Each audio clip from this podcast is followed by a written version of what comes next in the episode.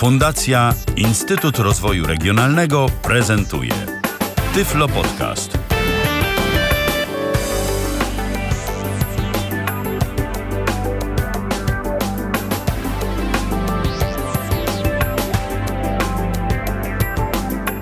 Dobry wieczór.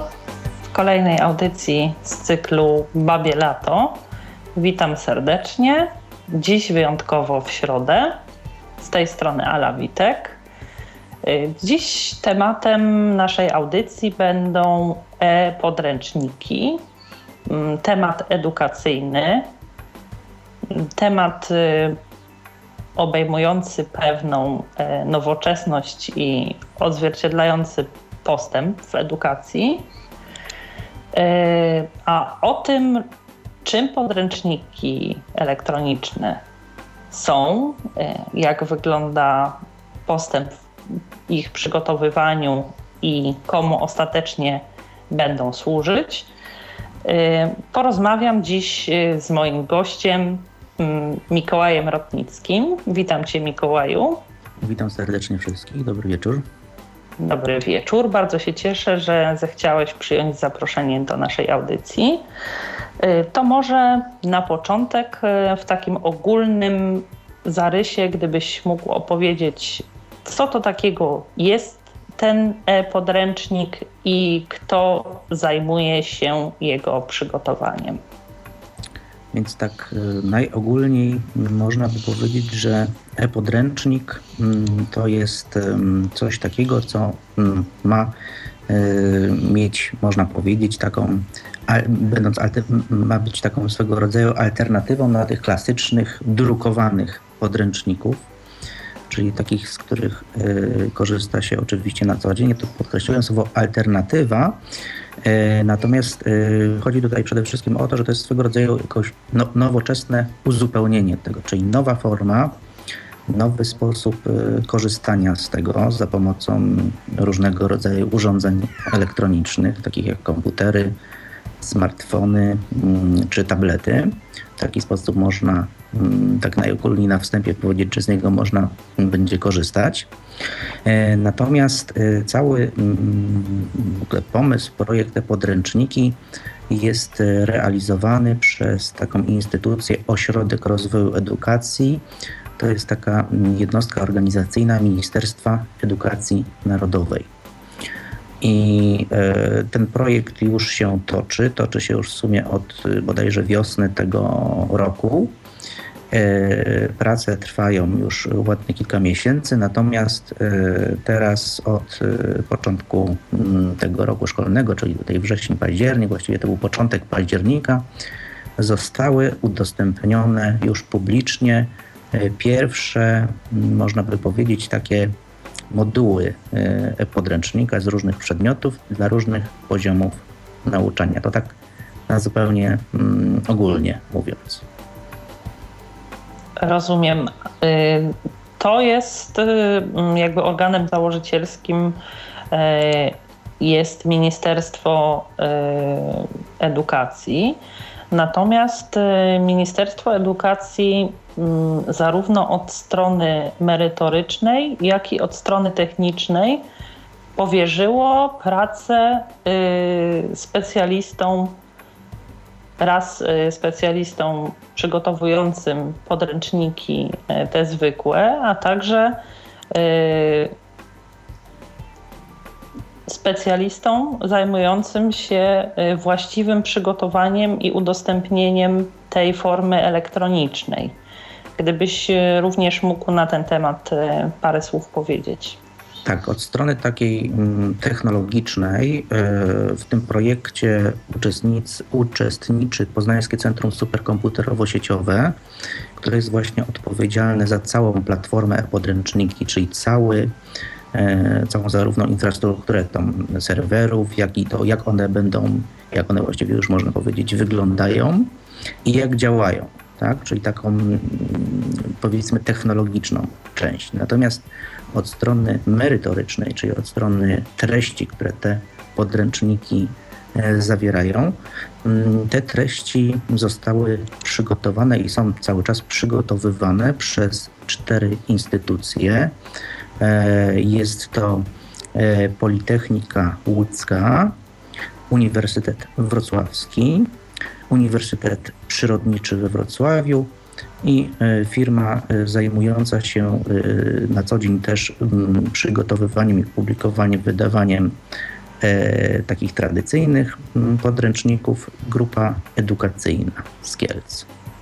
Także to są cztery instytucje, które od strony merytorycznej przygotowują treści e-podręczników.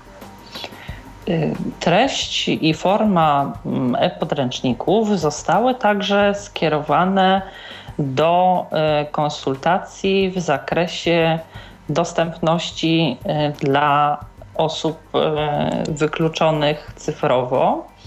E, I tutaj e, w pewnym sensie mieści się Twoja rola. Powiedz, jakie Ty spełniasz zadania w tych konsultacjach przygotowawczych podręczników? Tak, tak jak przed chwileczką powiedziałaś, Ministerstwo Edukacji Narodowej, tworząc ten projekt, te podręczniki, E, ze względu też na to, że jest to, można powiedzieć, taki produkt cyfrowy, który przygotowuje i finansowany jest e, z pieniędzy publicznych i przygotowywany jest przez administrację publiczną, e, musi spełniać pewne określone wymagania w różnych przepisach. E, w tych przepisach e, jest mowa również o tym, od niedawna, właściwie od zeszłego roku, w takim rozporządzeniu o krajowych ramach interoperacyjności systemów informatycznych w administracji publicznej, jest również mowa o tym, że powinny one spełniać standardy dostępności i jest tutaj powołanie się na taki standard WCAG 2.0, to zwane Web Content Accessibility Guidelines. To są takie wytyczne o dostępności treści internetowych. I mm, to wymaganie dotyczy również e-podręczników. I teraz y, Forum Dostępnej Cyberprzestrzeni, które y, reprezentuję, y, zostało poproszone przez Ośrodek Rozwoju Edukacji, aby również uczestniczyło w rozwoju tego e-podręcznika, tak najogólniej mówiąc, tak, e, i dbało o to, e, aby mm, w momencie jego tworzenia, czyli od samego początku projektowania, poprzez teraz etap e, już takich pełnych testów, był on zgodny właśnie z tymi standardami WCAG 2.0, zgodnie właśnie z tym, co jest napisane też w rozporządzeniu. Y, tym, o którym wcześniej powiedziałem.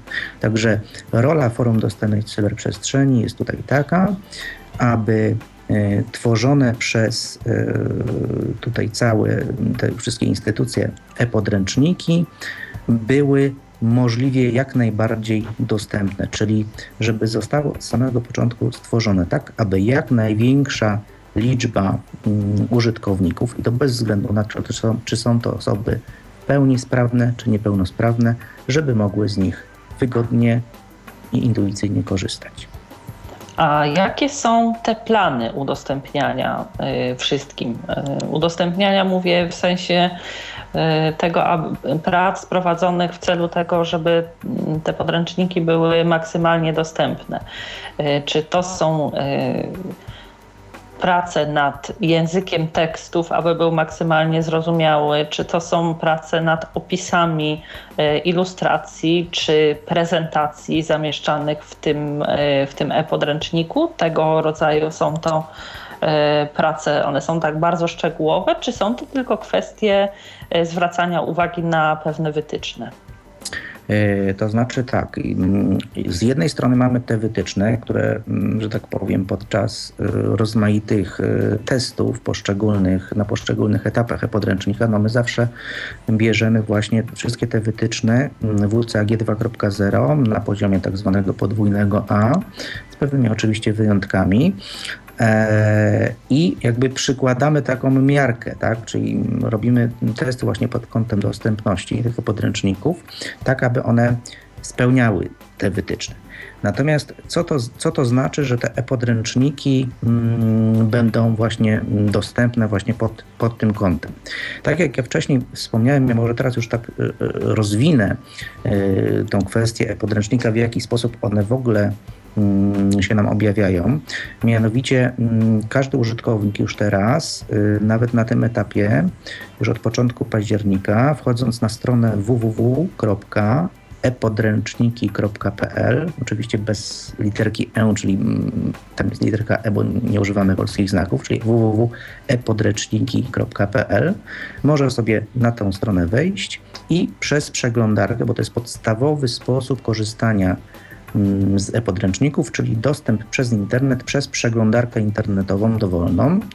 Możemy na tą stronę wejść i po pierwsze przeglądać te podręczniki, tak, czyli wybrać sobie konkretny podręcznik. Na tą chwilę jest ich tam kilka do wyboru. Głównie są to podręczniki do matematyki na różnym poziomie nauczania, zarówno ze szkoły podstawowej, szkoły gimnazjalnej, jak i ponadgimnazjalnej.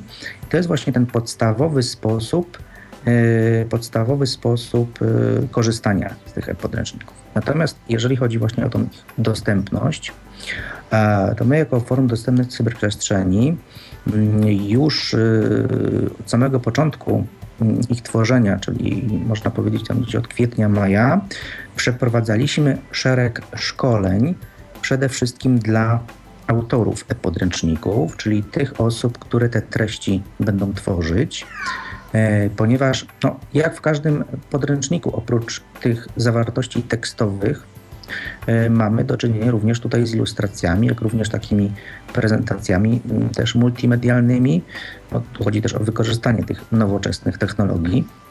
I takim jednym z kluczowych właśnie aspektów mm, związanych z dostępnością jest sprawienie, aby te treści, które nie są treściami tekstowymi, czyli właśnie e, wszelkiego rodzaju obrazki, ilustracje, ewentualnie filmy, animacje, posiadały tak zwane formy alternatywne. W przypadku obrazków właśnie jest to tak zwany tekst alternatywny. I to jest też nie lada wyzwanie, ponieważ stworzenie dobrego tekstu alternatywnego, który mm, w sposób zwięzły i taki istotny y, przekazuje nam tą treść, to jest naprawdę też sztuka. Stworzyć dobry opis alternatywny właśnie dla obrazka, który pojawia się w e-podręczniku.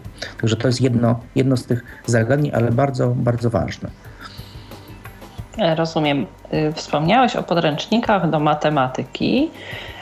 Y, zatem chciałabym Cię zapytać ogólnie, jaką formę będą miały te mm, e-podręczniki? Czy to będzie jakiś jeden, w cudzysłowie, program, który będzie jakby alternatywą dla Y, programu danej klasy do wszystkich przedmiotów, który będzie taką jakby formą wspierającą, czy też będą to faktycznie podręczniki do każdego przedmiotu, dopasowane do podstawy programowej, y, którą y, opracowuje się z uczniami w danej klasie. Znaczy to jest tak.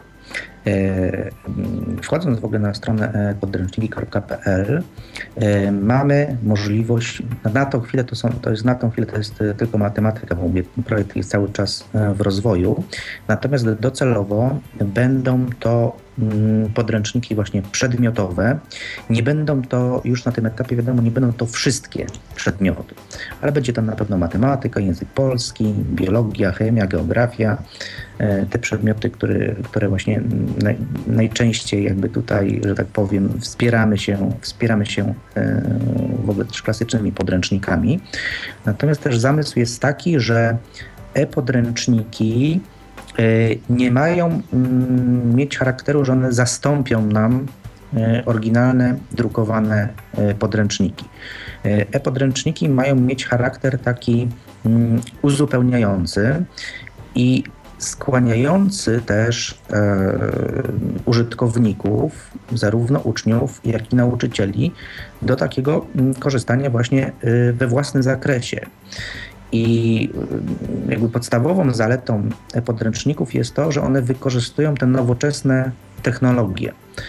Tak jak powiedziałem wcześniej, to nie będą tylko i wyłącznie treści tekstowe y, i nie tylko obrazki, ale również możliwość z jednej strony działań takich powiedzmy interaktywnych, możliwość obejrzenia treści audiowizualnych, czyli filmów, czyli nagrań audio, E, jak również e, możliwość sprawdzenia swojej wiedzy, ponieważ e, przy większości rozdziałów na samym końcu dostępne są różnego rodzaju ćwiczenia, które można wykonać właśnie w e-podręczniku, czego nie da się zrobić w klasycznym papierowym, w którym mówię, w klasycznym papierowym podręczniku z reguły mamy tylko wypisane zadania, które możemy zrobić gdzieś tam, gdzieś tam z boku na kartce, powiedzmy, a w e-podręczniku... Albo y, suplementem do zwykłego podręcznika są tak zwane ćwiczenia, które tak. kupuje się jako drugą książkę, tak, na, uzupełniającą podręcznik. Natomiast w e-podręczniku mamy tu jakby wszystko w jednym, tak? Na, na końcu każdego modułu albo prawie każdego, to już wszystko zależy od tego, co przewidzieli autorzy i co przewiduje powiedzmy dana podstawa programowa i sposób nauczania.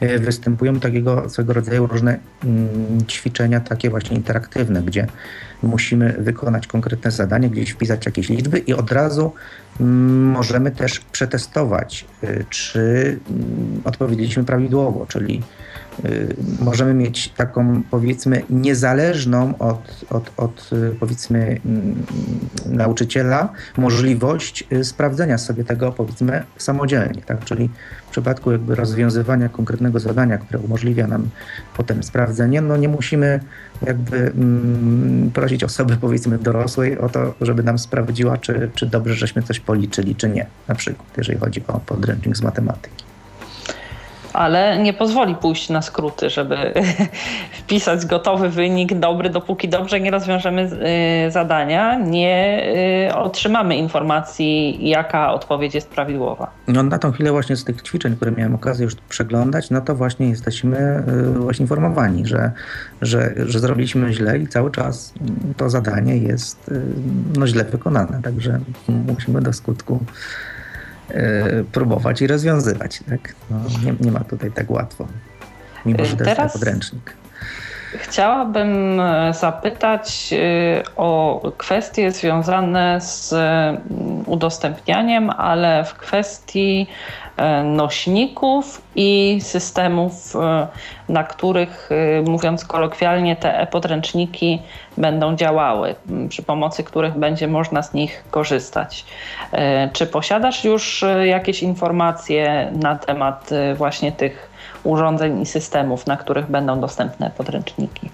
E, tak, e-podręczniki zostały pomyślane tak, aby można było z nich korzystać na jak największej w ogóle liczbie urządzeń z najbardziej różnorodnymi systemami operacyjnymi. I tak, takim powiedzmy podstawowym sposobem korzystania z podręcznika jest e, jego przeglądanie online, czyli z dowolnej przeglądarki internetowej na komputerze. Może to być, mówię, Internet Explorer, może to być Google Chrome, może to być Firefox, może to być Opera, może to być przeglądarka Safari. Z dowolnej z tych przeglądarek wchodzimy na stronę www.epodręczniki.pl i możemy z niej korzystać, skorzystać z zasobów w ogóle całej platformy, wybrać konkretny podręcznik, konkretny, e, konkretną powiedzmy klasę, czy to jest czwarta, piąta czy szósta klasa i y, już korzystać z zasobów danego podręcznika. To jest taki podstawowy sposób na komputerze. Natomiast y, nowoczesny, mm, powiedzmy, y, sposób y, korzystania z treści internetowej to oczywiście nie jest tylko komputer stacjonarny czy laptop, ale również są to urządzenia mobilne, takie jak smartfony czy tablety. Na tych urządzeniach również za pomocą przeglądarki internetowej możemy też wejść na, na tą samą stronę i treści, które się nam pokażą, można powiedzieć, że będą prawie że identyczne z tymi, co na komputerze. To też wszystko też zależy od tego, czy powiedzmy dane, dane urządzenie wspiera wszystkie technologie. To znaczy, jeżeli się zdarzy, że jakaś treść, nie wiem, na przykład jakiś tam fragment filmu, czy jakaś na przykład interaktywna, mm, no nie wiem, gra, czy coś, mm, z jakiegoś powodu nie jest wspierane przez dane urządzenie, no to tak mm, w tym miejscu pojawi się co najwyżej mm, tylko odpowiednia powiedzmy grafika zastępcza. No i na danym urządzeniu akurat z tego nie skorzystamy, ale niezależnie od wszystkiego treści tekstowe, treści obrazkowe i przypuszczam, że też większość treści wideo będzie można odtworzyć prawie że na dowolnym, na dowolnym urządzeniu. To jest oczywiście pod warunkiem tego korzystania takiego właśnie online. To jest jakby jeden sposób korzystania z e-podręczników. Natomiast dla osób, które nie mają stałego dostępu do internetu albo mają go taki bardzo powiedzmy okazjonalny, gdzieś tam w szkole, czy w jakiejś mm, instytucji, czy łączą się jeszcze może, bo takie też mogą być miejsca e, w Polsce, gdzie ktoś jeszcze się łączy za pomocą jakiegoś wolnego łącza, czy to modemowego, to jest możliwość e, pobrania sobie takiego e-podręcznika albo jako pliku PDF, który możemy otworzyć sobie po prostu w wersji jakby offline, czyli nie łącząc się już potem z internetem po jego pobraniu i otworzyć go w dowolnym czytniku plików PDF, albo w takim jeszcze bardziej nowoczesnym formacie EPUB, to jest taki format książek elektronicznych, który otworzymy na, zarówno na smartfonach, jak i na tabletach, jak i też na czytnikach y, książek. Tutaj należy zwrócić też uwagę na to, co powiedziałem przed chwileczką, ze względu na pewne takie interaktywne elementy. Akurat w, w tych wersjach EPUB i PDF filmy, mm, interaktywne mm, prezentacje, no one nie będą dostępne. Za to będą dostępne treści tekstowe i obrazkowe. Rozumiem. Zanim przejdziemy do tego, komu i jak będą służyć e-podręczniki, e, przypomnę, że można się z nami kontaktować przez komunikator Skype na tyflopodcast.net, a także pod numerem telefonu 123 834 835 Mam nadzieję, że w miarę możliwości e, odpowie Mikołaj na ewentualne Państwa pytania. To mm, komu będą służyć e-podręczniki? Będą służyć e, uczniom, oczywiście, będą służyć nauczycielom, będą mogły pewnie też być wsparciem dla rodziców odrabiających zadania, bo z tego, co mówisz, wynika, że nie tylko w szkole będzie można korzystać e, z tego e-podręcznika. Rodzic wraz z dzieckiem w trakcie odrabiania pracy domowej e, również będzie mógł e, czerpać wiedzę, czy też opracowywać ćwiczenia z pomocą e-podręcznika, tak? Tak, zgadza się. E-podręcznik, można powiedzieć, będzie dostępny wszędzie tam, gdzie możemy skorzystać z internetu. A już mówię, coraz więcej szkół, coraz więcej e, gospodarstw domowych ten dostęp do internetu staje się powoli takim standardem. No, u niektórych jest szybszy, u niektórych jest wolniejszy, ale to nie ma aż tak dużego wpływu ta prędkość posiadanego internetu na możliwości korzystania z e-podręcznika. Kwestia jest jakby tego mm, rodzaju, że podręcznik i jego jakby sposób z niego korzystania został, można powiedzieć, w jakiś tam sposób ustandaryzowany. To znaczy, że mm, każdy z tych mm, podręczników co do jakby ogólnego sposobu z niego korzystania, przełączania się pomiędzy rozdziałami, przewijania sobie treści, wygląda mniej więcej tak samo. E, oczywiście te, mm, podręczniki, które są skierowane do uczniów tam powiedzmy mm, tych klas gdzieś tam początkowych, może one będą zawierały więcej takich mm, kolorowych elementów, bardziej takich powiedzmy obrazkowych. Natomiast e, jeżeli chodzi o już starszych uczniów, no to tych treści takich obrazkowych już będzie takie powiedzmy e, bardziej nazwijmy to poważne korzystanie z, z, z, jeżeli chodzi o wygląd wygląd. Natomiast co do ogólnej zasady, one wyglądają bardzo podobnie i tu zarówno uczniowie, jak i rodzice, jak i nauczyciele mm, będą mogli, właśnie już mogą, bo to, te podręczniki, tak jak powiedziałem, zostały już opublikowane w takiej właśnie wersji testowej, e, już mogą mm, z tych pierwszych rozdziałów samodzielnie korzystać, samodzielnie z tego e, przeglądać. I co ważne, e, e-podręczniki są bezpłatne. Tutaj nie ma żadnych opłat za to. E, ta strona www.epodręczniki.pl jest bezpłatna i ona cały czas będzie bezpłatna, ponieważ e-podręczniki e, zostały udostępnione na tak zwanej wolnej licencji, czyli mm, każdy może z nich e, bez opłat korzystać, jak również może je też wykorzystywać dalej. Tam ta licencja, z tego co wiem, to jest Hmm, chyba uznania autorstwa i, i, i bodajże na tych samych zasadach, czyli hmm, jeżeli ewentualnie byśmy wykorzystywali treści e-podręcznika gdzieś w naszych e, pracach, hmm, czy to jakichś tam, nie wiem, prezentacjach, czy to jakichś tam naszych opracowaniach, to oczywiście musimy podać, e, podać e, źródło. I jeżeli dobrze mi się wydaje, to w takim układzie też ta nasza prezentacja będzie musiała na takich samych zasadach jak oryginalne e-podręczniki być udostępniana dalej.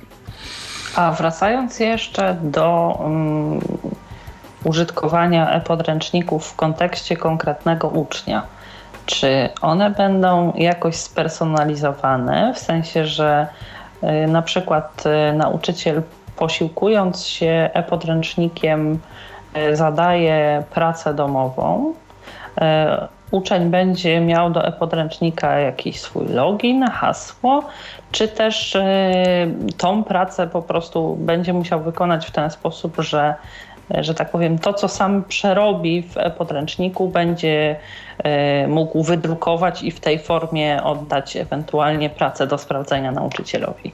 To znaczy na tą chwilę, na tą chwilę wygląda to tak, że mm, podręczniki jako takie zostały przewidziane jako właśnie mm, taki dostęp po prostu niespersonalizowany, czyli bez loginu mhm. jako takiego. Z tego, co mi wiadomo, ale to mm, mówię tak, e, powiedzmy, e, bardziej z tego, co, z tego, co się też gdzieś tam dowiadywałem i, i powiedzmy obiło mi się o uszy w różnych e, rozmowach w, w Ośrodku Rozwoju Edukacji. Przypuszczam, że też chyba nie wyklucza się stworzenia jakiejś formy takiej troszeczkę personalizacji, gdzie będzie można Mm, gdzieś tam jakieś, y, nawet tą naszą interaktywność, czyli te nasze powiedzmy prace w jakiś sposób tam powiedzmy y, zamknąć pod jakimś loginem czy hasłem, ewentualnie to gdzieś dalej mm, ewentualnie udostępniać naszym nauczycielom. Natomiast podstawa jest taka, że my korzystamy z tego podręcznika na zupełnie wolnych, wolnych zasadach. Y, wchodzimy na stronę podręczniki.pl kiedy tylko chcemy. Jeżeli nie mamy dostępu do internetu, możemy oczywiście pobrać sobie, tak jak powiedziałem wcześniej, wersję, wersję taką offline. I także tutaj o tej mm, takiej typowej personalizacji to na tą chwilę nie chcę po prostu wprowadzać w błąd, ale z tego, z tego co mi wiadomo, y, to na tą chwilę tego nie ma i nie jestem w 100% pewien, czy to będzie tak na 100% y, wprowadzone. Tak to na tą chwilę wygląda. Rozumiem. To mm, zawęźmy trochę grono uczniów e, do osób e, niewidomych, korzystających e, potencjalnie z e-podręczników.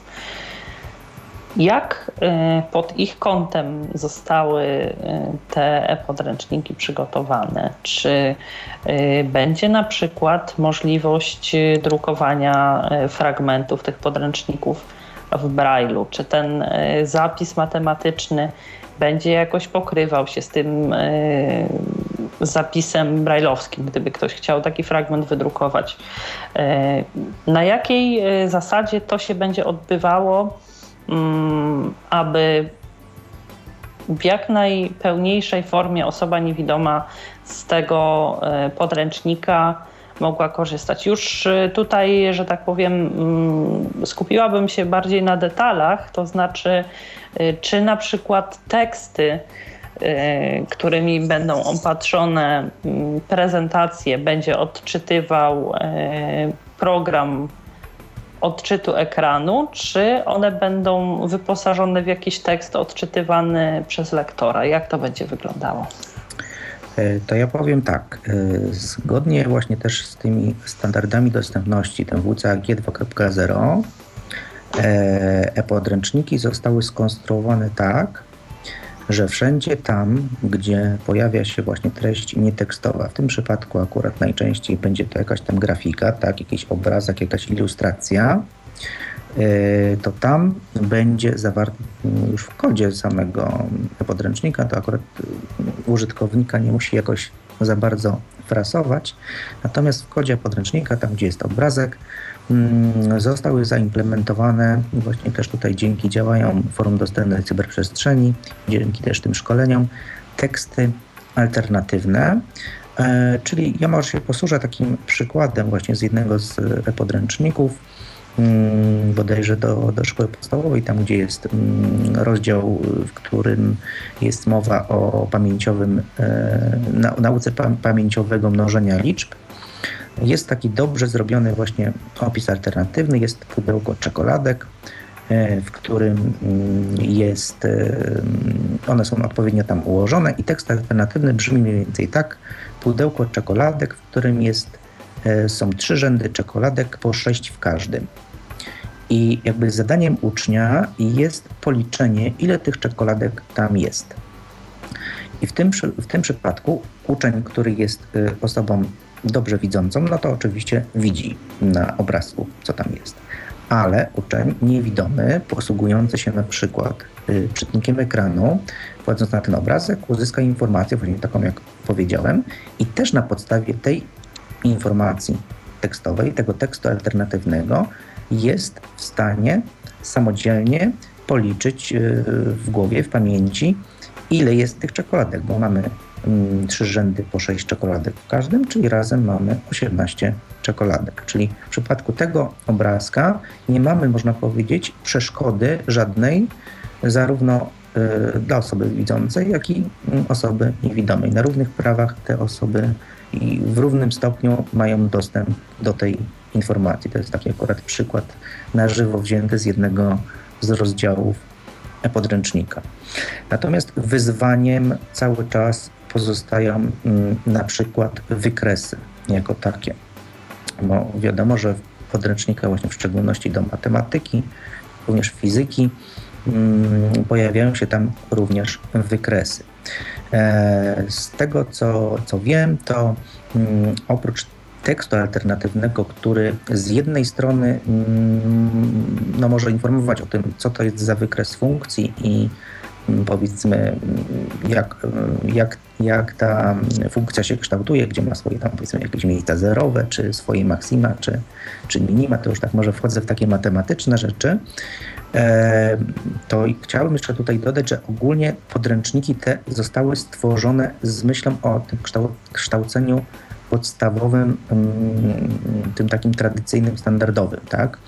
E, podręczniki te nie są e, tworzone specjalnie pod kątem na przykład specjalnych ośrodków szkolno-wychowawczych, w których na przykład matematyki uczy się też w, no dosyć też y, dostosowany do potrzeb osób niewidomych sposób, ale stosuje się właśnie tam matematyczną notację brajlowską, czy na przykład w przypadku wykresów y, wypukłe tak zwane wykresy.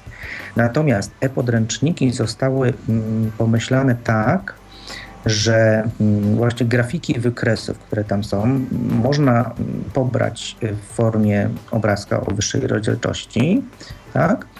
I jeżeli na przykład dysponuje się odpowiednim sprzętem, a, a, a z tego co wiem, mm, właśnie specjalne ośrodki szkolno-wychowawcze dysponują rozmaitymi, e, czy to mm, drukarkami grafik wypukłych, czy też e, wygrzewarkami e, grafik wypukłych, mogą taki obrazek samodzielnie na potrzeby uczniów niewidomych i E, słabowidzących dostosować, tak aby była to prezentacja za pomocą grafiki wypukłej. E, co jeszcze? No na pewno wyzwaniem są wzory matematyczne. O ile mm, nawet takim wyzwaniem e, powiedzmy technologicznym są, dlatego że technologia, która została zastosowana do ich tam osadzania, już tak minimalnie tylko wchodzę w takie drobne szczegóły techniczne, ale już jakby pewnym wyzwaniem jest to, żeby wzory matematyczne poprawnie wyświetlały się w różnych przeglądarkach, czyli żeby ten wzór wyglądał tak samo w Internet Explorerze, w Google Chrome, w Firefoxie, w Safari, jak również w odpowiednikach tych przeglądarek na urządzeniach mobilnych. To już jest jakieś wyzwanie. Natomiast nie ma jednego wspólnego rozwiązania, które by godziło z jednej strony poprawny odczyt przez y, screen readery, które swoją drogą właśnie tą nowoczesną mm, formę powoli zaczynają akceptować, czyli tak zwany język HTML, w którym jest to wszystko tam osadzone. Coraz więcej screen readerów, między innymi mm, taki screen reader od Google, Google Chromebox, e, posiada już pewną, że tak powiem, zdolność odczytywania tych wzorów matematycznych.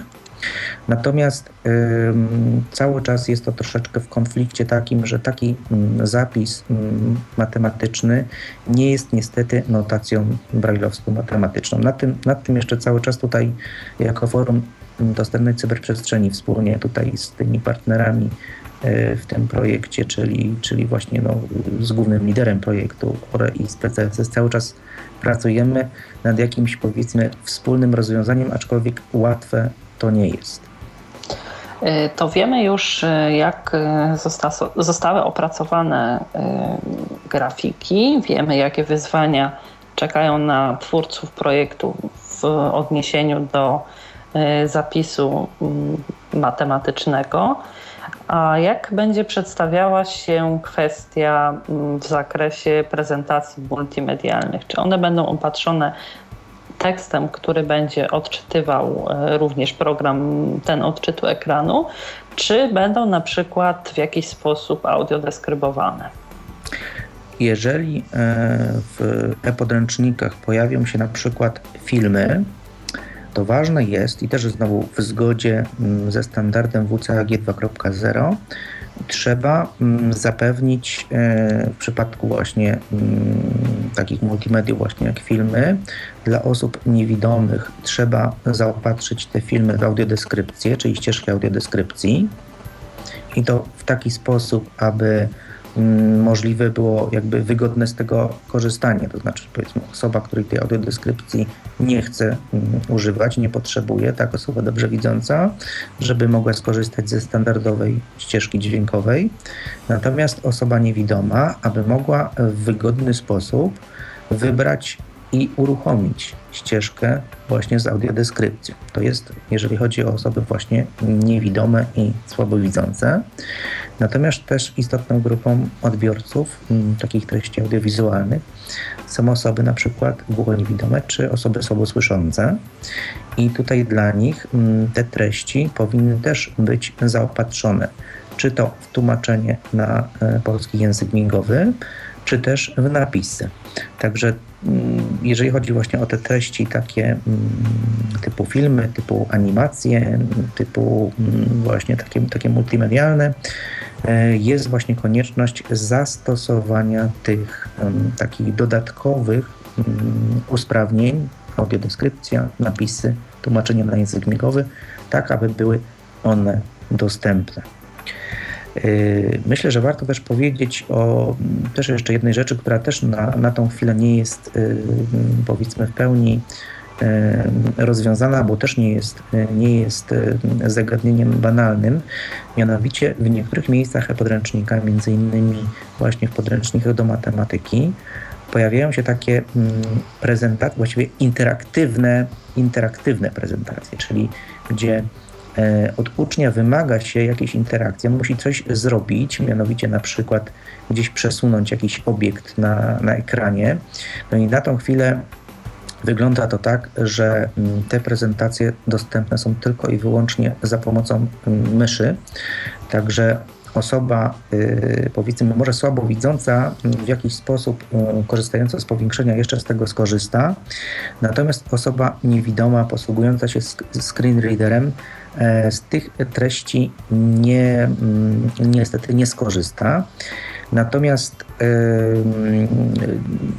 jest ewentualny taki pomysł, zobaczymy jeszcze, jak to się wszystko ułoży, aby mm, we współpracy właśnie ze specjalnymi ośrodkami szkolno-wychowawczymi zajmującymi się edukacją osób niewidomych i słabowidzących przygotować pewne alternatywne ćwiczenia, które mogłyby być y, powiedzmy y, na równi zaimplementowane. Ja dam na przykład taki, y, dam taki przykład, gdzie powiedzmy łączenie jakichś punktów liniami za pomocą myszy wydaje się oczywiście sensowne w przypadku osoby widzącej, tudzież słabowidzącej. Tak, w przypadku osoby niewidomej łączenie punktów liniami na jakiejś wirtualnej płaszczyźnie, no troszeczkę mija się z celem, dlatego w takim miejscu lepszym rozwiązaniem byłoby zastosowanie jakiegoś y, ćwiczenia alternatywnego. Jakie to będą ćwiczenia, jeszcze na tą chwilę nie wiemy, ale mm, przypuszczam, że właśnie tutaj we współpracy ze szkolnymi, y, specjalnymi ośrodkami szkolno-wychowawczymi y, takie coś uda się wykonać. A pozwolę sobie zapytać o taką Twoją osobistą refleksję. Czy na przykład y, swego rodzaju remedium na tą niemożność e, korzystania y, z myszy mogłyby być ekrany dotykowe, które pozwoliłyby właśnie za pomocą palca przesuwać poszczególne elementy po ekranie? Powiem tak, z jednej strony tak, ale musiałby być y, powiedzmy z drugą, w drugą stronę jakiś też sygnał do osoby niewidomej wysyłany. Tak, tak. Nie wiem, czy na zasadzie jakiejś... że wejdę w słowo. Miałam na myśli, rzeczywiście nie, nie do końca sformułowałam swój pomysł. E, zamiast poszczególnych punktów łączyłoby się liniami na przykład poszczególne dźwięki, na, które wydobywałyby się w momencie natrafienia palcem na określony punkt, wodząc nim po ekranie. Tak, to jest, e, to jest oczywiście mm, jakiś pomysł e, na pewno, tylko też trzeba mieć e, w takim przypadku na uwadze to, co takim ćwiczeniem chcemy przekazać, bo w przypadku osoby widzącej łączenie jakichś powiedzmy trzech punktów na ekranie i stworzenie na przykład z tego trójkąta mhm. ma, ma oczywiście sens, bo po prostu pokazuje wzajemne położenie tych krawędzi i tak dalej i jakby stworzenie, samodzielne skonstruowanie takiego trójkąta. Natomiast y, w przypadku osoby niewidomej, kiedy na przykład ona by za pomocą, no załóżmy, ekranu dotykowego miała połączyć te linie i jedynym, jedynym powiedzmy sygnałem, który byłby, jakby się jej udało tak połączyć jedną z drugim punktem, trzeci punkt z czwartym i, i, i tak dalej, i stworzyć jakąś powiedzmy figurę. Natomiast na tym ekranie dotykowym nie mieć możliwości zapoznania się z tym, co tak naprawdę stworzył. Kształtem ostatecznym, tak? tak? No w tym mhm. przypadku oczywiście taki, taki, taki sposób dostępu miałby się z celem.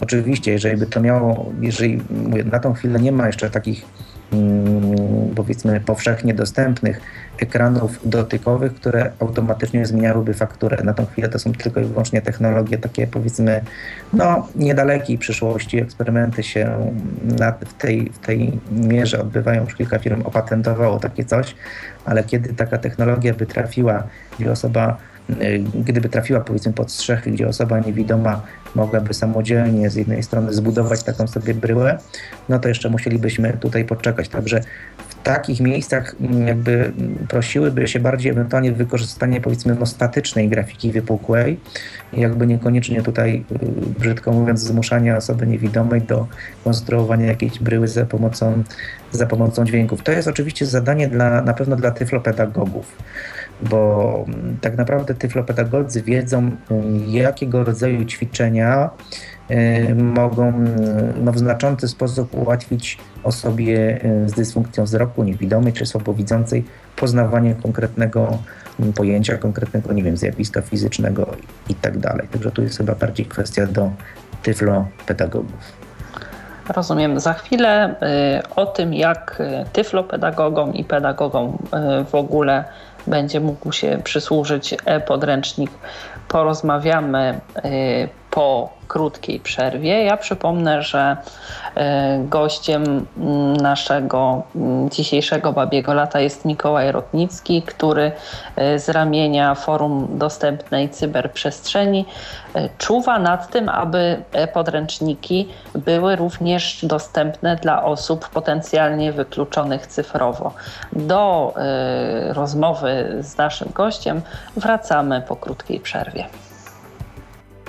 Tyflo Podcast. Witam po przerwie. Y, kontynuujemy rozmowę dzisiejszą o e-podręcznikach. Przypomnę, że dzisiejszym gościem Babiego Lata jest Mikołaj Rotnicki, y, koordynujący z ramienia Forum Dostępnej Cyberprzestrzeni pracę nad dostępnością y, e-podręczników. To teraz spójrzmy na e-podręcznik oczami potencjalnego użytkownika, jakim będzie e, nauczyciel.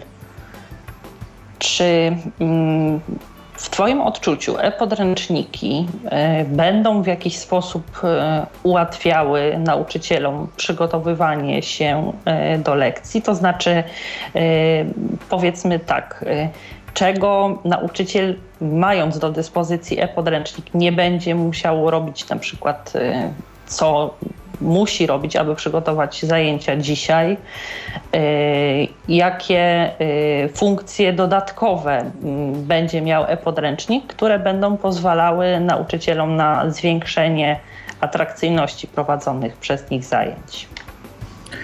To pierwsza kwestia to, to taka, że mm, podręcznik, w ogóle ta platforma e-podręczniki jakby ten interfejs, czyli ten sposób, jak my je widzimy, przynajmniej cały czas mówię o tej wersji takiej mm, online, e, mamy e, w ramach każdego podręcznika mm, taką wyszukiwarkę treści.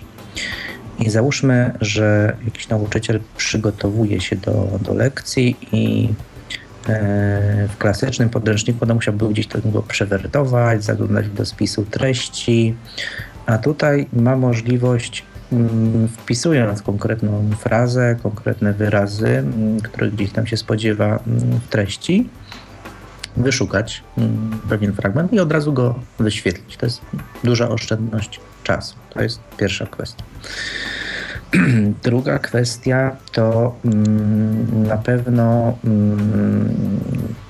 może jakby no powiedzmy wybrać te części e-podręcznika, no, z których na danej lekcji będzie korzystał, tak? Druga, e, czy kolejna kwestia to to, że mm, dostęp do tego e-podręcznika no, ma praktycznie e, z, każdej, mm, z każdego miejsca na Ziemi, byle tylko miał dostęp do urządzenia mobilnego czy komputerowego, gdzie się może podłączyć do internetu, czyli... Czyli na mm, przykład zwiedzając ogród botaniczny ma możliwość korzystania z e, opisów e, na przykład flory e, na bieżąco w trakcie prowadzenia lekcji biologii, tak? No, Mając no na przykład, oczywiście jeżeli, mobilne urządzenie. Jeżeli jesteśmy właśnie gdzieś, jeżeli jesteśmy gdzieś właśnie w plenerze i na przykład na jakiejś lekcji albo jest mowa, albo wcześniej była mowa o, o jakimś, no na przykład właśnie jakimś drzewie, jakimś krzewie, jakiejś roślinie, Mm, to na przykład właśnie pokazując dzieciom to w jakimś tam ogrodzie botanicznym, o zobaczcie, tak wygląda, nie wiem, jakiś tam kaktus dąb. albo dąb, tak? A zobaczcie, e-podręczniku mówiliśmy o tym i on tutaj też był przedstawiony i nie wiem, dysponując na przykład mm, tabletem, smartfonem, może przypomnieć uczniom, bo mm, też mm, to tak chyba prawie każdy z nas, kto się gdzieś uczył, nauka zasadniczo też polega na takim regularnym powtarzaniu, przypominaniu naszemu mózgowi, naszemu umysłowi ileś razy danej informacji i ona wtedy łatwiej nam się utrwala poprzez różnego rodzaju skojarzenia. I teraz, jeżeli mm, uczeń e, potem e, skojarzy na przykład te dwie sytuacje, tak, że nauczyciel będąc w ogrodzie botanicznym, stojąc przy dębie, pokazał im to również, a zobaczcie, w naszym podręczniku też to jest i zobaczcie, to jest to samo drzewo, to potem ten uczeń, kiedy sobie już w domu zasiądzie do tego podręcznika i to samo drzewo będzie tam oglądał, to z dużym prawdopodobieństwem skojarzy sobie tą wyprawę do y, ogrodu botanicznego i wtedy już y, łatwiej będzie mu zapamiętać, jak wygląda, y, jak wygląda dąb, tak? Tutaj przywołałaś właśnie taki przykład, kiedy będąc gdzieś tam w terenie, akurat my korzystamy ze podręcznika, Natomiast ja sobie ewentualnie też wyobraziłem taką sytuację, ponieważ coraz więcej szkół wyposażanych jest no, albo w projektory, takie multimedialne rzutniki cyfrowe, albo w tak zwane mm, tablice takie mm, świetne, elektroniczne, takie interaktywne. I e-podręczniki jako takie też na tych tablicach e interaktywnych mogą być wyświetlane, czyli na przykład w szkole już nie będzie takiej powiedzmy e, sytuacji, kiedy pół klasy stwierdzi, a zapomnieliśmy książek, to co, to nie robimy lekcji. A nauczyciel może powiedzieć, hola, hola, wchodzimy na epodręczniki.pl, tak, a przynajmniej ja wchodzę tutaj z komputera i wyświetlam go Wam na ekranie mm, tablicy interaktywnej. Także tutaj jakby takiej, takiej groźby, że, go, że, że ktoś nie ma podręcznika i czegoś, i czegoś i nie może z niego skorzystać, jakby może nie być. Tak? Z drugiej strony pewne funkcje interaktywne, czy to filmy, czy to jakieś tam prezentacje takie mm, z, z pewną dozą jakiejś interaktywności, gdzie można czymś ruszyć, coś, coś, coś, coś dotknąć, mm, chociaż nawet y, za pomocą różnego rodzaju tam wskaźników, czy myszy, czy, czy, czy nawet na tablicy interaktywnej za pomocą dotyku, można y, właśnie w taki sposób na lekcji z tego y, skorzystać. Czyli przenieść ten taki, mm, powiedzmy, mm, świat technologii właśnie cyfrowych bezpośrednio, bezpośrednio do klasy, tak, do, do ławki szkolnej praktycznie. Także to są jeszcze te Myślę, że Myślę, że też, że tak powiem, odpadnie duża część y, pracy, która y, bywa trudna i żmudna, bo też nie każdy nauczyciel jest jednakowo technologicznie zaawansowany. Odpadnie ta część pracy związana z przygotowywaniem prezentacji samodzielnie. I y, tak samo mm, część, która mm, miałaby, mm, część pracy, którą nauczyciel musiałby włożyć y, w przygotowanie y, konkretnych ćwiczeń czy zadań do wykonania przez uczniów na lekcji. Tutaj już jest gotowy materiał opracowany zgodnie z podstawą programową i nauczyciel tylko sięga do, do gotowego źródła i na bieżąco y, może z, z tych prezentacji korzystać. Tak, to jest, to jest na pewno y, duży plus e-podręczników i też to, że on jest jakby uniwersalny i, i taki sam wszędzie, tak? Czyli nie ma tutaj tego mm, powiedzmy problemu, że w jednej szkole, tak jak w przypadku klasycznych podręczników, y, a to nauczyciel wybiera mm, jednego wydawnictwa, jednego autora, drugiego autora, trzeciego autora. Tak naprawdę w tych różnych mm, szkołach uczy się, no podstawa programowa jest jedna, ale mm, nieco inaczej podana. A tutaj podręcznik nie też, że jest jeden i mm, zawsze tak samo mm, będzie wyglądał, czy w jednej szkole, czy, czy w drugiej szkole, tak? Druga kwestia jest taka, że on jest zawsze jakby aktualny. To też jest jedna z tych podręcznika, mianowicie podręcznik został wyposażony w taką funkcjonalność, że jeżeli nauczyciel, a może nawet uczeń, a może nawet rodzic znajdzie jakiś no, ewidentny błąd w tym podręczniku. Oczywiście one mm, nie powinny się tam zdarzać, no ale wiadomo, błędy to jest rzecz ludzka i, i, i tak samo twórcy podręczników mogą e, stworzyć jakieś błędy, zarówno merytoryczne, ale również mogą się też pojawić jakieś błędy, powiedzmy, techniczne, coś tam się gdzieś źle wyświetla. Podręcznik został wyposażony w taką funkcję, że można zgłosić do twórców konkretny błąd w konkretnym miejscu, napisać y, w takim specjalnym tam formularzu zgłoszenia błędu, że mm, według naszej opinii coś tutaj jest nie tak, coś tutaj nie działa, jakaś informacja jest ewentualnie przekłamana albo jest na przykład jakaś literówka, pomyłka. Tak można to od razu zgłosić. Taka informacja od razu trafia do mm, osób zajmujących się bezpośrednio no, jakby zarządzaniem od tej strony, od kuchni podręcznikiem i mogą taką poprawkę wdrożyć na bieżąco, tak?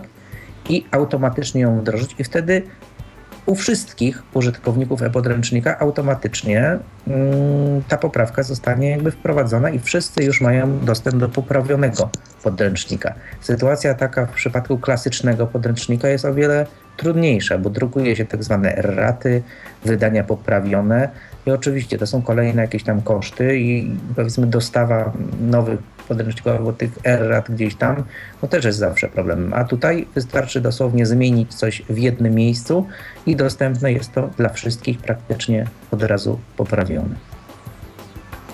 E, to teraz jeszcze mm, trzy takie drobne kwestie związane z przygotowywaniem mm, mm, przez nauczycieli lekcji z użyciem podręcznika. Y, czy będą one wyposażone w mm, opcje jakieś edycyjne, gdzie nauczyciel sam będzie mógł wprowadzić jakieś własne definicje, własne opisy, czy jakieś y, kwestie, które mm, poza tym, co jest zamieszczone w e-podręczniku, chciałby przekazać uczniom? E, czy będzie możliwość e, jakby takiego dodawania tych e, wpisów własnych? Druga rzecz to, czy będzie możliwość bieżącego drukowania bo jeśli na przykład nauczyciel spodziewa się, że w danym miejscu lub w danym momencie może nie mieć dostępu do e-podręcznika w tej wersji komputerowej, czy też przeznaczonej do innych urządzeń. Y, chciałby przygotować powiedzmy wydruki, z których y, uczniowie będą mogli y, skorzystać. I trzecia, czy będzie możliwość kopiowania treści, na przykład Myślę, że to już e, chyba w starszych klasach e, nauczyciel, gdyby chciał e, przesłać zadanie z e-podręcznika konkretne do rozwiązania swoim uczniom, na przykład mailem lub jakieś opracowania czy definicje, z którymi powinni się zapoznać. Czy też będzie taka możliwość? E, znaczy tak, pierwsza kwestia, czyli to edytowanie takie samodzielne przez nauczyciela, to raczej chyba tutaj w rachubę nie wchodzi, ponieważ to jest już jakaś ingerencja mm, jednak w, w podręcznik jako taki czy jakby w jego, w jego treść, ponieważ no, z jednej strony to jacyś autorzy jednak, którzy się podpisali pod tym, stworzyli ten podręcznik, oczywiście zgodnie z podstawą programową. Zresztą na każdej, nawet tej wirtualnej okładce podręcznika tam są wypisani autorzy, i którzy tworzyli ten podręcznik, jakby którzy odpowiadają w jakiś sposób za jego treść. Natomiast y, jakby w połączeniu z tymi mm, z tym pytaniem, gdzie tam o, o, zapytałaś o to kopiowanie, z tym trzecim pytaniem, to ja tutaj ewentualnie nie widzę nic, żeby nic nie stało na przeszkodzie, aby nauczyciel jakiś wybrany fragment podręcznika gdzieś mm, powiedzmy skopiował, Mm, wkleił do, do, do jakiegoś tam powiedzmy pliku i ewentualnie dopisał jakieś tam swoje komentarze. Tak? No, to wszystko zależy od tego danej sytuacji. Natomiast jakby ogólne zalecenie jest takie, aby mm, z e-podręcznika mm, korzystać no po prostu online. Tak? To jakby właśnie z myślą o głównym jakby sposobem korzystania podręcznika jest właśnie ten dostęp przez E, przeglądarkę. I to samo ewentualnie się tyczy mm, sytuacji, kiedy owszem, e, wybrany fragment podręcznika możemy skopiować, możemy wkleić mm, do maila i wkleić do, mm, jako powiedzmy taka treść statyczna, wysłać gdzieś tam uczniowi, ale oczywiście do takiego zastosowania typowego, powiedzmy, gdzieś tam wydrukowania czy offline, tak?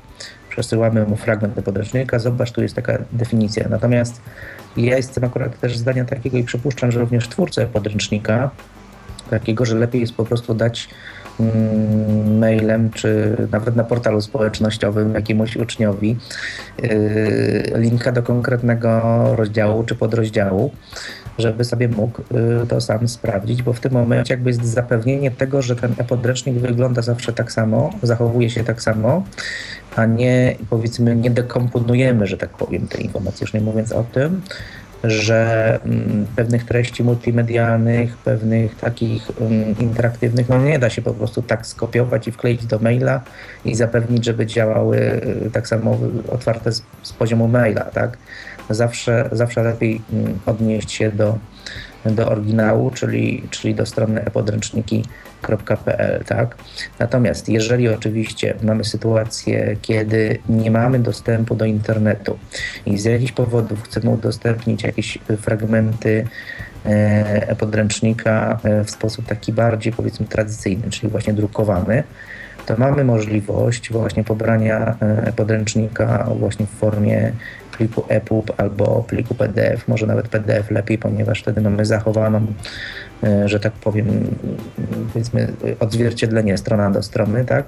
Nic, nic tam nie, nie zmienimy już, wszystko jest dostosowane do tego, aby się wydrukowało praktycznie na dowolnej drukarce.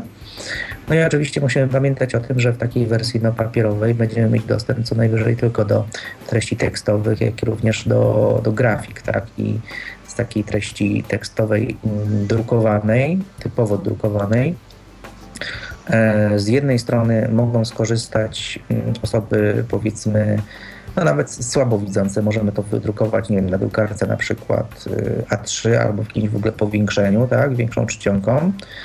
E, dla osób właśnie, które nie korzystają z, z urządzeń elektronicznych, nie mają możliwości skorzystania ze podręcznika w sposób taki no, przez, przez stronę internetową.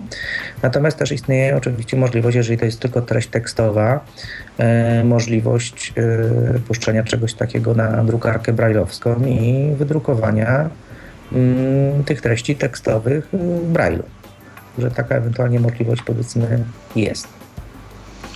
A czy y, będą podręczniki wyposażone w jakieś obszary wykraczające, w jakieś treści wykraczające poza y, podstawę programową, jakieś definicje uzupełniające, y, leksykony, materiały y, zaczerpnięte na przykład y, z źródeł literackich, y, na przykład lektur y, będących suplementem tych, które są y, w mm, podstawie programowej. E, no z tego co mi wiadomo, to zasadniczo e-podręczniki jako takie zostały przygotowane, żeby jakby odpowiadać takiej tej klasycznej podstawie programowej. E, natomiast mm, to już jest ewentualne trochę pytanie do właśnie do z jednej strony może do przedstawicieli ministerstwa i twórców, tak? Czy w treściach jako takich pojawiłyby się jakieś, nie wiem, może linki do Wikipedii czy, czy do jakichś innych e, zasobów, jeżeli dany uczeń by zgłębiał taką, taką, e, taką wiedzę. Od strony technologicznej myślę, że to nie jest problem, bo, bo to jest e, praktycznie wstawienie linku czy jakiegoś tam gdzieś odnośnika na zewnątrz, jakichś zewnętrznych materiałów. Natomiast to już jest bardziej kwestia tutaj powiedzmy merytoryczna. Inwencji. Inwencji twórczej i czy takie coś jakby jest Mm, powiedzmy przewidziane z jednej strony w projekcie podręczniki, a z drugiej strony jakby mm, dozwolone przez podstawę programową, która gdzieś takie coś może obejmować, tak? Bo mm, w podstawie programowej wiadomo, no, e-podręcznik jest czymś, co, nad czym piecze trzyma Ministerstwo Edukacji Narodowej, jakby zapewnia, że jakby żadna inna zewnętrzna treść, no, nawet czasami niepożądana, bo wyobraźmy sobie sytuację, kiedy ktoś by umieścił mm, jakiegoś linka do jakichś zewnętrznych zasobów, a te zasoby zewnętrzne, no one nie są kontrolowane przez mm, to ministerstwo i z różnych powodów mogą nieść treści jakieś powiedzmy nawet niepożądane. Także no tutaj to jest bardziej pytanie takie merytoryczne, niekoniecznie, niekoniecznie do mnie. E, rozumiem. Ja spytałam o to dlatego, że mm, ponieważ e, jakby mm, uzmysłowiłam sobie, że mm, e-podręcznik będzie pełnił tą rolę e, suplementarną w odniesieniu do zwykłych podręczników. Stąd też moje pytanie, czy coś więcej poza tą podstawę, która E, miałaby być realizowana, mm, jeszcze w nim się znajdzie. To przejdźmy może teraz do e, kwestii mm, rodziców, e, ewentualnie współpracujących w trakcie odrabiania lekcji z dziećmi, korzystając z podręcznika. Czy rodzic, który posiada niezbyt duże doświadczenie technologiczne w korzystaniu z e, internetu, w korzystaniu z różnego rodzaju e, źródeł informacji, będzie w stanie, korzystając z e-podręcznika, wspierać dziecko w trakcie odrabiania prac domowych czy przyswajania sobie wiedzy za pomocą e-podręcznika? Ja myślę, że tak, ponieważ e, podręcznik został, mm, to też nawet jest e, notabene w tych mm, wytycznych związanych z dostępnością, że jedną z wytycznych, jedna z wytycznych też odnosi do tego, żeby sposób korzystania z podręcznika, czy jego powiedzmy, nie wiem, wygląd, czy, czy, czy, czy, czy, czy, sposób poruszania się po nim był intuicyjny, tak? Czyli żeby nie sprawiał problemów przeciętnemu użytkownikowi, żeby nie musiał on mieć jakichś specjalnych mm, powiedzmy umiejętności, żeby w podstawowym sposób y, z niego korzystać. Na pewno. Na pewno kwestia y, możliwości szybkiego wyszukiwania informacji w podręczniku znacznie szybsza niż wertowanie kartek i wyszukiwanie tego wszystkiego powiedzmy ręcznie. To jest, to jest duży plus. Ja myślę też, że rodzice mogą się w ogóle zaciekawić samą formą podręcznika, ponieważ za ich czasów, kiedy dzisiejsi rodzice mm, swoich pociech chodzących do szkoły, kiedy oni chodzili do szkoły, no ba, nawet kiedy ja y, chodziłem do, do szkoły, no czegoś takiego nie było. To jest naprawdę podejście takie bardzo nowoczesne, bardzo rewolucyjne, jeżeli chodzi o, o, o wykorzystanie w ogóle nowoczesnych technologii. I tak jak y, ja, czy, czy, czy, czy, czy, czy, czy, czy, moi też rodzice korzystali Mm, jeszcze w danych czasach nie, może nie z takich kolorowych podręczników, tak? a tutaj mamy nie dość, że mamy bogactwo kolorów, jak również możliwość Yy, mówię, przesunięcia jakiegoś suwaka w jakiejś prezentacji interaktywnej i zobaczyć, jak się coś tam zmienia, jak zmieniają się jakieś liczby. Wpisujemy E, jakieś liczby tam na jakieś, e, w jakimś równaniu, a tutaj nam się pojawia gdzieś wynik. Wszystko się dzieje praktycznie automatycznie. Tego nie, oferu, nie oferują papierowe podręczniki. To, to zarówno e, dla rodziców może też być w jakiś sposób, korzystając z podręcznika wspólnie ze swoimi pociechami, no, dobra zabawa. A jak, a jak wiemy, mm, uczenie się poprzez zabawę, no nie ma, nie ma chyba nic lepszego niż uczenie się poprzez zabawę i to właśnie wspólnie. Yy, rodzic, yy, dziecko i, no i podręcznik, który temu, który temu służy, prawda? Rozumiem. To mam jeszcze takie pytanie. Mm, czy kiedy e-podręczniki y, będą już y, dostępne, mm, ogólnie wdrożone do korzystania przez nauczycieli i uczniów w szkole, y, będzie w jakiś sposób reglamentowana mm, ta ich dostępność w sensie odpłatności, czy na przykład nawet osoby takie jak ja, y, nie mówię tu już w tej chwili o wersji demonstracyjnej, tylko o tym podręczniku stricte w wersji ostatecznej. Y, osoby takie jak ja, nie posiadające dzieci, nie uczące się, nie uczące nikogo, y, będą miały również możliwość pełnego dostępu i korzystania poprzez przeglądarkę ze strony podręczników. Tak, jak nieodpłatnej. Tak, jak najbardziej podręczniki y, są i będą, e-podręczniki w ramach tego projektu są i będą bezpłatne ponieważ takie w ogóle było zamierzenie. No one też są finansowane z pieniędzy, z pieniędzy publicznych, dlatego, czyli praktycznie każdego z nas, każdego, kto płaci podatki, pracuje i, i nawet kupuje produkty, płaci podatki, e, więc tutaj tego, tego tej kwestii takiej jakiejś regla, reglamentacji no, nie będzie.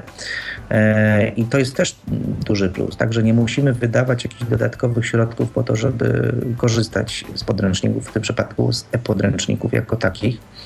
E, projekt jako taki, on, tak jak powiedziałem, on się tam zaczął gdzieś w kwietniu. Teraz w październiku została udostępniona taka wersja tak zwana beta. To jest taka wersja w której one będą aż do bodajże połowy 2015 roku. I to jest właśnie czas, i tutaj bardzo gorąco zachęcam wszystkich użytkowników e-podręcznika, naprawdę wszystkich widzących, niewidomych, słabowidzących, praktycznie każdego, kto na co dzień może sobie bez problemu wejść na stronę www.epodręczniki.pl aby z tego już korzystał, z tych zasobów, które już w tej chwili są udostępnione. I właśnie to jest ten czas na zgłaszanie jakichkolwiek uwag, jakichkolwiek uwag, czy to merytorycznych, czy to stricte właśnie związanych z dostępnością. Tutaj właśnie w kierunku osób niewidomych i słabowidzących, czy również z innymi niepełnosprawnościami, aby w tym czasie, kiedy ta platforma już została udostępniona, ale jest jeszcze cały czas w trakcie dopieszczania, doszlifowywania, tak? Przez te półtora roku, żeby e, te, ta ostateczna wersja podręczników była jak najlepiej, e, jak najwygodniejsza w korzystaniu i jak, naj, jak najbardziej dostępna. E, ponieważ z tego co wiem, jak projekt już się mm, zakończy, czyli w 2000, w połowie 2015 roku i to już będzie jakby pełna taka wersja produkcyjna, to już tak od takiej troszeczkę strony technologicznej zostanie publicznie udostępnione tak zwany, tak zwany interfejs, tak zwane API do tego, do tego podręcznika, czyli przyszli mm, no nie wiem, twórcy, programiści, deweloperzy będą mogli tworzyć własne ewentualne interfejsy, własną taką interaktywną komunikację z tą platformą e-podręczniki. I co ważne, ta platforma e-podręczniki tak naprawdę jest mm, na tyle innowacyjna, że takiego podobnego mm, przedsięwzięcia pewnie na taką skalę, gdzie mamy też tą interaktywność i jest to platforma online, tak naprawdę na świecie jeszcze nigdzie nie było. Wszystkie dotychczasowe próby gdzieś tam w Hiszpanii, w, w, w Szwecji, z tego co wiem, mm, wtedy to e-podręcznik, pod hasłem e-podręcznik rozumiano po prostu wersję PDF, która była w pewnym sensie odpowiednikiem papierowej wersji, nawet strona do strony, jakiejś tam dużej interaktywności nie było. I te pomysły, z tego co wiem, no one poległy, one nawet mm, za bardzo nie wyszły, a tutaj mm, tak naprawdę no, uczestniczymy w czymś, i to każdy obecny użytkownik tych podręczników tej wersji beta może przyczynić się do jeszcze e, większego polepszania ich, ich, e, ich jakości i sposobu, w jaki z nich korzysta. Tak? Wystarczy, mówię, wejść na stronę, Y, pooglądać sobie, jak to na tą chwilę wygląda, zgłosić jakieś tam swoje uwagi i mieć, że tak powiem, nawet tą możliwość y, uczestniczenia gdzieś tam w procesie mm, kształtowania ostatecznej wersji tych e-podręczników. Y, mówimy cały czas o wersji tekstowej, a mm, według założeń twórców, kiedy ta wersja ostateczna zacznie być wdrażana w szkołach? Kiedy nauczyciele mają y, zacząć z niej korzystać, że tak powiem, tak już y, na, na serio, nie y, sprawdzając, czy działa, jak działa, pokazując, co to takiego jest, tylko kiedy ten e-podręcznik stanie się faktycznym źródłem informacji i narzędziem do przyswajania wiedzy przez uczniów. E, z tego co mi wiadomo, to oczywiście mogą, mogą korzystać już tutaj jakby nie ma tego ograniczenia, ponieważ y, one, ta wersja nawet testowa jest już w tej chwili dostępna. Y, stopniowo z miesiąca na miesiąc będą dokładane kolejne, kolejne w ogóle przedmioty, tak, bo na tą chwilę jest to mm, chyba tylko matematyka, potem będzie się pojawiać i fizyka, i informatyka, i również inne mm, kolejne mm, podręczniki z kolejnych y, przedmiotów.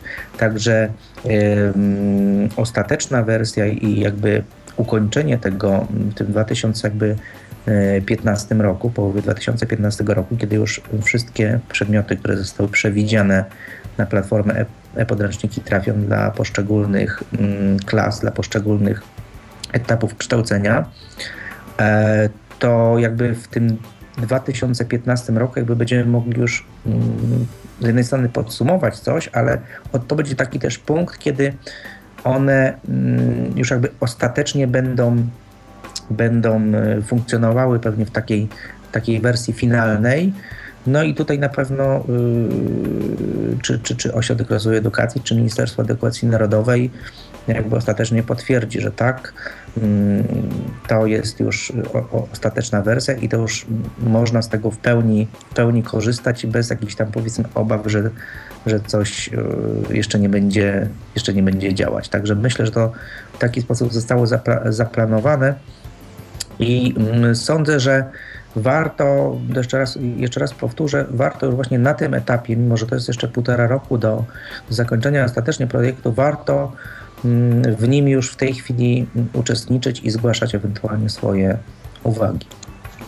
Ja też mam nadzieję, że mm, za mm, przygotowywaniem i udostępnianiem podręcznika e, nadąży, że tak powiem, szkolna infrastruktura, to znaczy e, wyposażenie e, zarówno nauczycieli, ale i uczniów w sprzęt, przy pomocy którego będą mogli korzystać z tych e-podręczników i wyposażenie e, szkół w łącza odpowiedniej e, przepustowości, żeby to korzystanie z e-podręcznika nie było taką formą incydentalną, że tylko nauczyciel wyświetla jakieś prezentacje, czy tam mm, właśnie przynosi zadania wydrukowane, bo zwyczajnie internet nie jest w stanie mm, służyć na tyle, żeby wszyscy uczniowie przynajmniej danej klasy jednocześnie byli w stanie korzystać z tych e-podręczników.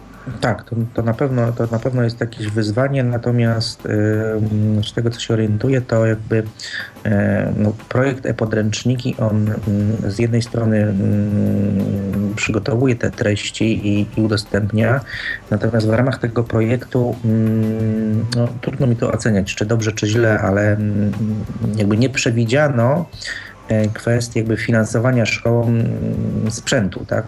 Bo projekt podręczniku polega przede wszystkim na udostępnieniu całej platformy i treści, tak? W taki sposób, że można było z niej wygodnie korzystać. Natomiast to już na mm, powiedzmy mm, barkach szkół, ewentualnie y, samorządów, które, których obowiązkiem jest organizowanie organizowanie szkół na, na, na, własnym terenie, to już jest jakby ich kompetencja, aby pieniądze na rozwój E, czy to sprzętu, czy to dostępu do internetu w poszczególnych szkołach e, się znalazły. E, no na pewno coraz więcej uczniów w domach posiada komputery, coraz więcej uczniów korzysta z komórek, ze smartfonów, z tabletów. To wszystko bardzo szybko się mm, rozwija. Jeszcze kilka lat temu takim mówię, standardowym szybkością internetu było tam te 500, y, pewnie kilo, 512 kilobajtów, czy tam 1 megabit, a dzisiaj standardem powoli już się staje tam 50 megabitów, czy, czy 100 megabitów, tak? Oczywiście to mm, stopniowo jest y, wdrażane, natomiast y, szybkość, że tak powiem, tych zmian, które się dzieją i spadek cen internetu, no sprawia, że on też coraz y, częściej trafia pod strzechy domowe, jak również coraz tańsze jest korzystanie z internetu tego mobilnego. A to jest oczywiście y, jeden z powodów, y, który może w znaczący sposób przyczynić się do jeszcze pełniejszego korzystania właśnie z e-podręczników. I tym optymistycznym akcentem zakończymy naszą dzisiejszą rozmowę o e-podręcznikach.